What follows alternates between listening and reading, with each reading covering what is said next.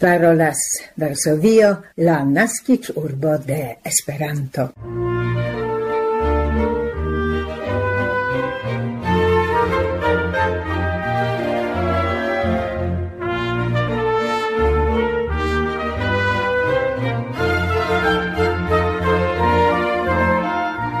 Rekora salutas vin signoroi, la dec quinan de februaro 2023 la tuta Esperanto skipo de la Polar Tradio. En la 1226 elsendo Barbara Pietrzak, Milada Szwedo kaj Maciej Jaskot proponas komencajn aktualaĵojn kaj sciencbultenan rubrikon. Hodia uni proponas sekvi kuneni la intrigon de la romano Kvovadis – de Henrik Semkiewicz en la traduco traduko de Lidia Zamenhof. Comence aŭdiĝas aktualaĵoj.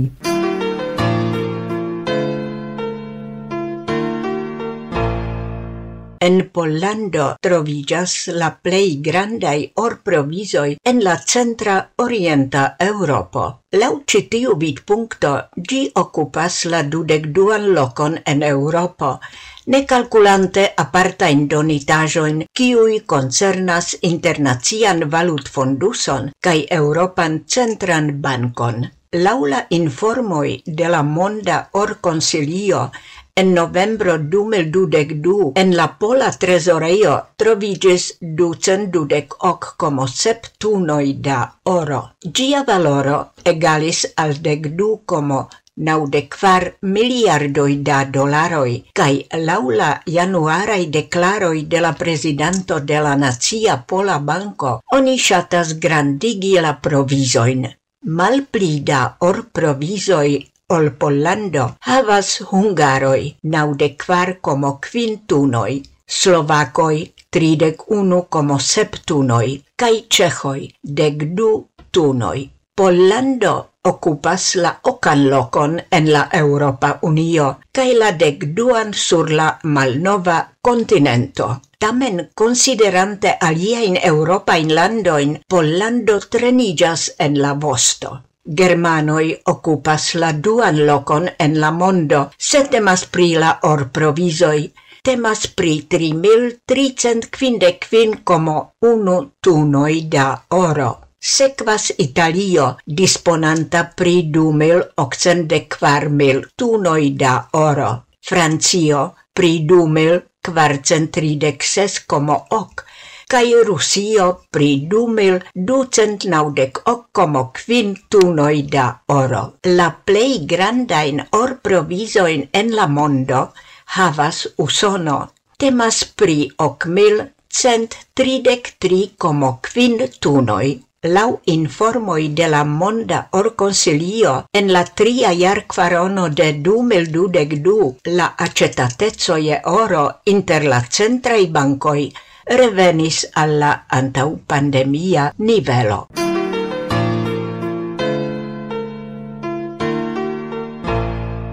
Lau esploroi de la migroplatformo E-Vovalo, studumo de la Orienta Europo, de la Varsovia Universitato, cae la fondajo E-Vovalo, resultas che prescau ciui ukrainai emigrantoi en la producta agio, ciui esprimis tian desiron, trovis laboron en Pollando, cae iam estas dungitai. Tiu raporto estis presentita dum la conferenzo dedicita al la helpo de Pollando al Ukrainio. Ekde la rusa invado contra Ukrainion, ĉirkaŭ 900.000 enmigrintoj estis enlaborigitai en Pollando lau simpligita formo. Laula la aferprezentanto de la chef comandanto de la limgardistaro, inter la dudek kvara de februaro kaj la 7 de junio 2022 temis interalie pri kvarcent tridekdu mil ukrainaj civitanoj en la aĝo inter la dekoka kaj la sesdeka vivojaroj. Lau oficialai donitajoi en tiu ci periodo 1,5 milionoi da ucrainanoi ricevis la statuson de portempa helpo, kiu ebligas laboron en Pollando. Lau polai expertoi, ce la plia helpo etapo necesas certigi al emigrantoi la eblon de la profesia avanzo, pere de instruado de la pola lingvo cae profesia clerigo. La autoroi de la rapporto atentigas, che prescau sesoble pli da ukrainaj enmigrantoj estis enlaborigita in Pollando ol en Germanio.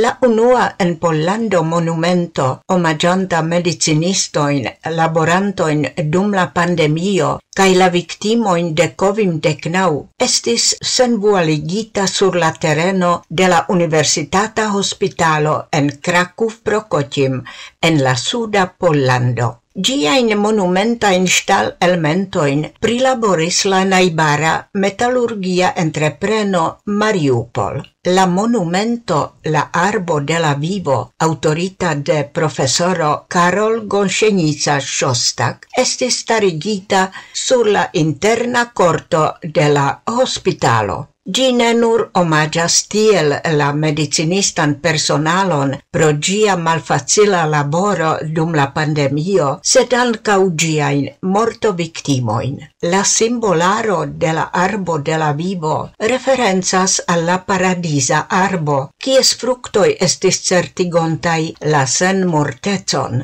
Tio estas samtempe verco memoriganta la morto ricolton de covim decnau, kiel la simbolon de la homa vivo, la homa solidarezzo, cae la espero pri pli bona morgao.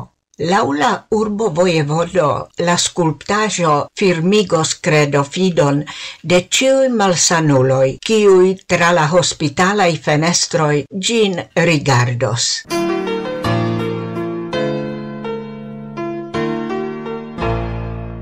Pola Retradio daŭrigas la Esperanto-elsendon.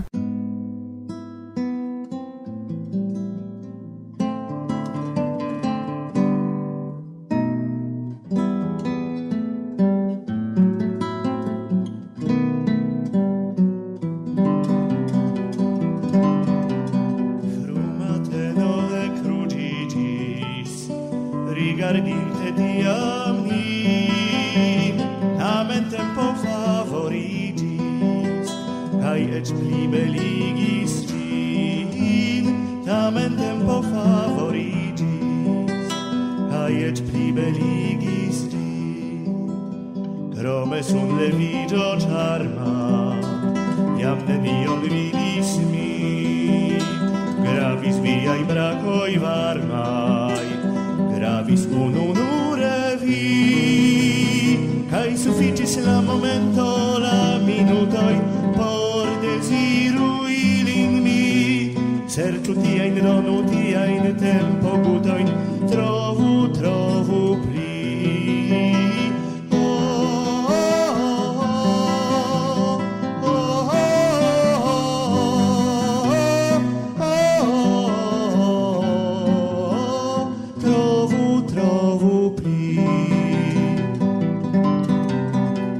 dir che stoi mort secretoi sed mi revas tiuje che vive vedo cun rideto mian pordon frapuem che vive vedo cun rideto mian pordon frapuem En nia hodiava elsendo ni proponis por nia comuna distro ausculto la canzonon Frumateno de Halina Kuropatnicka, vortoj kaj muziko Krzysztof Cwener.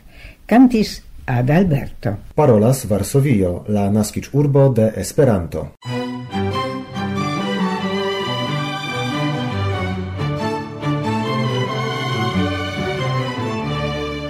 La premio de la Pola Academio de Capabloi estas attribuata al personoi kiui dank al siei literaturae, scienzae cae humanismei vergoi favore alla patrolando capablas occupi elsteran locon en la socio.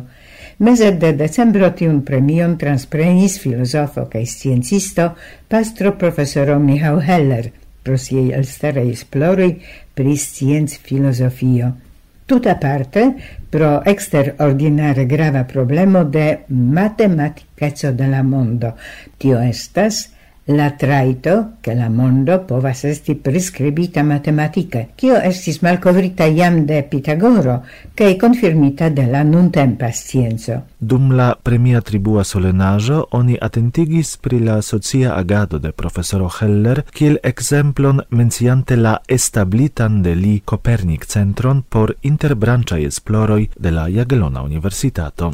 Dum la premia tribua solenajo, pastro profesoro Michał Heller esprimis la opinion che en la epoco de politikai, sociai conflictoi, malcomprenemo, tio cio unuigas homoin estas la educado. Li esprimis do la desiron che oni zorgu pri tio, che la nuntempai meslerneianoi forlasadu lerneioin cun perfecta cono de la pola lingvo, ciui gin usos correcte cae capablos pensi critique. Por tion atingi estas necessa pli granda atento donata al la instruado de matematico, fisico cae logico. Professoro Heller rilatigis sin en sia dank parolado al la artefarita intellecto, atentigante che la homa naturo natura evoluo de la homo ne post sekvas la technologian progreson.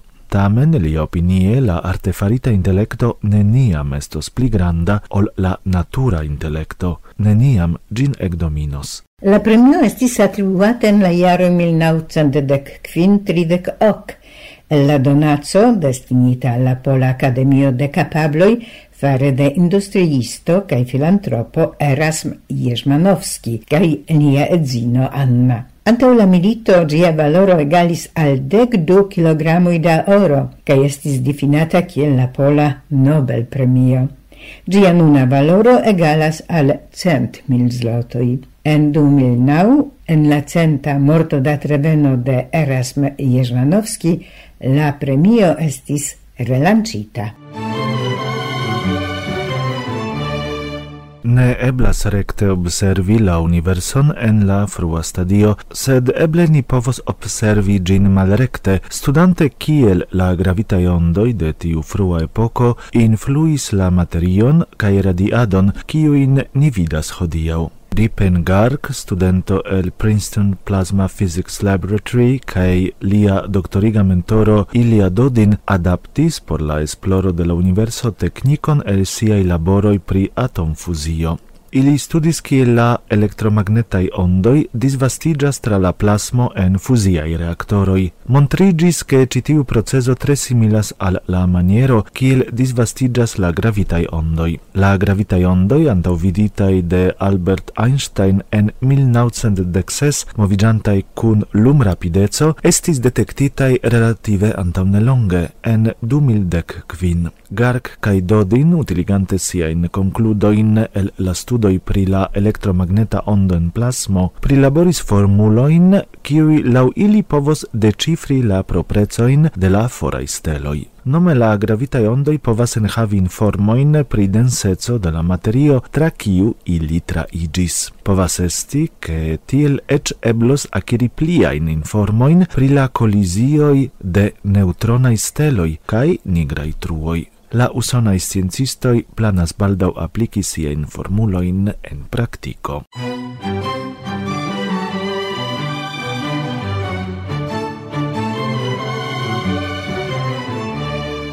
Ni daurigas la programon de la Polare Tradio.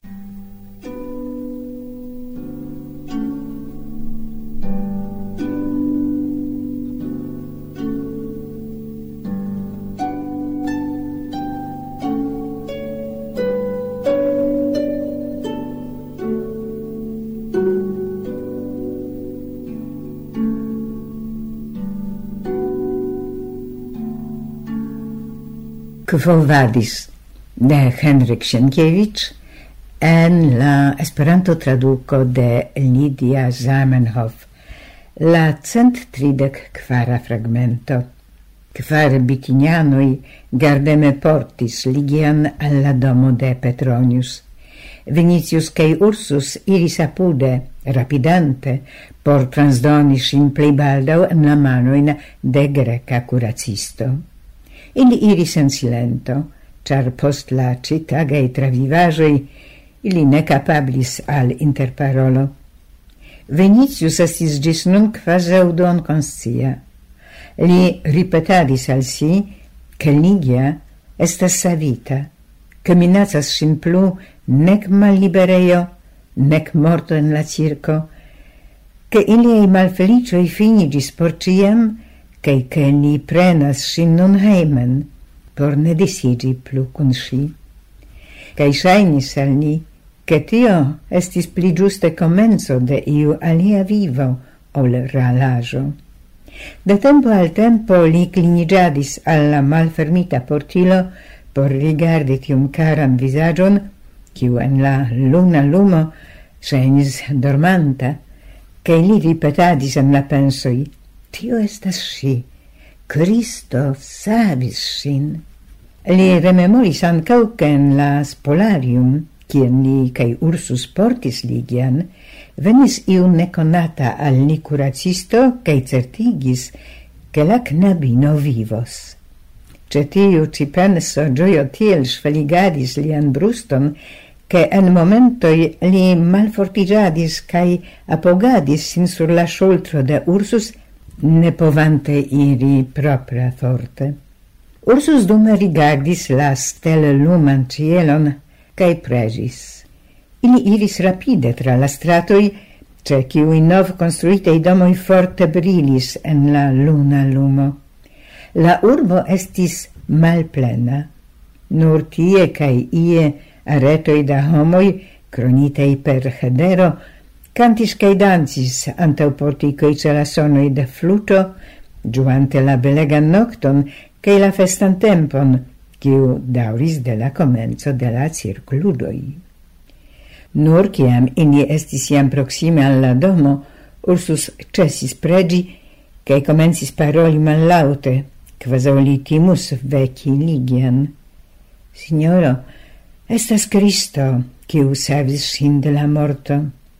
Ciam me agvidis sin sur la cornoi de la uro, mi ec audis en la la vocion «defendu sin», cae tio estis sendube la vocio de la safido. La malibereio mie miein fortoin, sed li redonis ilin al mi por tiu momento, cae li inspiris tiun sanga aman popolon, che gi pledis pro si, fari Giulia volo cae Vinicius respondis Gloregata estu lia nomo. Sed li ne povis paroli plu, cer subite li exentis che grandega ploro exfelas en nia brusto. E captis lin neregebla desiro, jetis interen, cae danci la savinton pro la miraclo cae compato. Dume ili atingis tamen la heimon. La servisto informitei de speciale antausendita sclavo exfarmis por in saluti. Paulo el Tarso, ancora en Antiumo, convertis pli parton de tiui homoi. La malfelicioi de Vinicius estis al ili bonege conatei, do ilia gioio ie la vido de la victimoi elsciritei el la cruela imanoi de Nero estis grandega, cae gi crescis ancora pli Ciam curacisto Teocles, exameninte Ligian, declaris che si suferis nenian gravan defecton, cae che ciam pasos la malfortezzo, restinta post la malibereia febro, si resanigios. La conscienzon si revicevis ancorau en la sama nocto. Vecirinte in belega cubiculum, lumigita per corintei lampoi, en la Romo de Verbeno si ne sciis kie ŝi estas cae cio cun si ocasas. Restis en sia memoro la momento en kiu si estis alligata la la in de la ĉenkatenita uro cae nun vidante super si la visagion de Venitius, lumigitan per delicata colora lumo Si credis che ili certe ne estas iam sur la terra. La pensoi confusiradis en sia malforta capo, cae shenis al si natura afero, che ini haltis ie en voia alla cielo, pro sia lacezzo, cae sen fortezzo. Sentante tamen nian doloron, si ridetis al Vinicius, cae volis demandi kie ili estas, sed al sia buscio eligis nur malauta flustro, en kiu Vinicius apenaŭ povis distingi sian nomon. Do li genuigis apud si, cae metinte la manon sur sian sultron diris «Cristo vinsavis, cae redonis al mi». Sia busa movigis de nove en necomprenebla flustro, post momento tamen siei palpebrui fermigis, la brusto levis in facile expiro, che si endormigis profunde, cion attendis tocles la curacisto, cae post cio li antaudiris resanigiam. Vinicius restis apode sci, genuante cae in pregio. Lian animon enluligis amo til grandega, che li tuto extasiris. Tocles, quelc foien iris en la cubiculum, Quelcfoie el post flanken pusita curteno aperis la orhara capo de Eunice. Fine gruoi, tenatei en la giardenoi, comencis crii annunzante la tagigion. Cai li ciam circa prenadis ancora en la pensoi la piedoin de Cristo, nevidante cae ne audante cio casas circaue, cum coro sangita en oferan dancan flamon dronanta in extaso, dum la vivo ancora quasau prenita cielen. Petronus post la liberigo de Ligia, ne volante inciti la Cesaron, sequis lin cune cun la aliei Augustanui sur Palatinon. Li desiris ausculti, pri cio oni tie parolas, che ceve convincigi ciu Tigelinus – ne elpensos iom novan por pereigi la knabinon. Tiel si, kiel anco Ursus, idis nun vere kvazaŭ zorgatoj de la popolo, cae neniu povis levi contra ilin la manon, ne causante ribelon.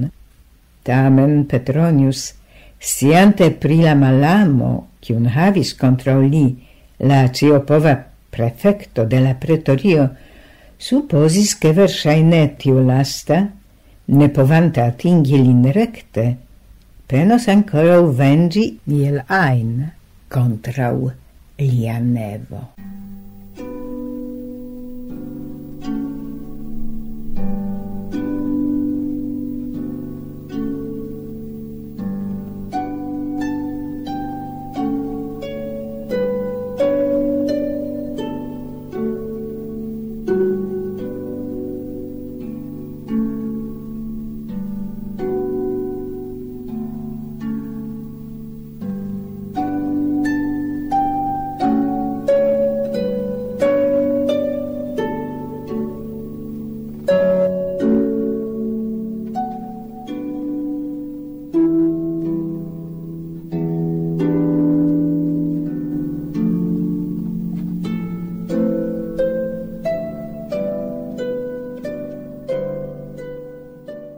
nia cent tridec quara rencontigio con la romano de Henrik Sienkiewicz, quo vadis en l'esperanto traduco de Lidia Zamenhof en havis prescribon de pliai sortoi de la roman heroi. Finiras nia hodio esperanto el sendo al Varsovio. Signorinoi cae signoroi, gis la raudo.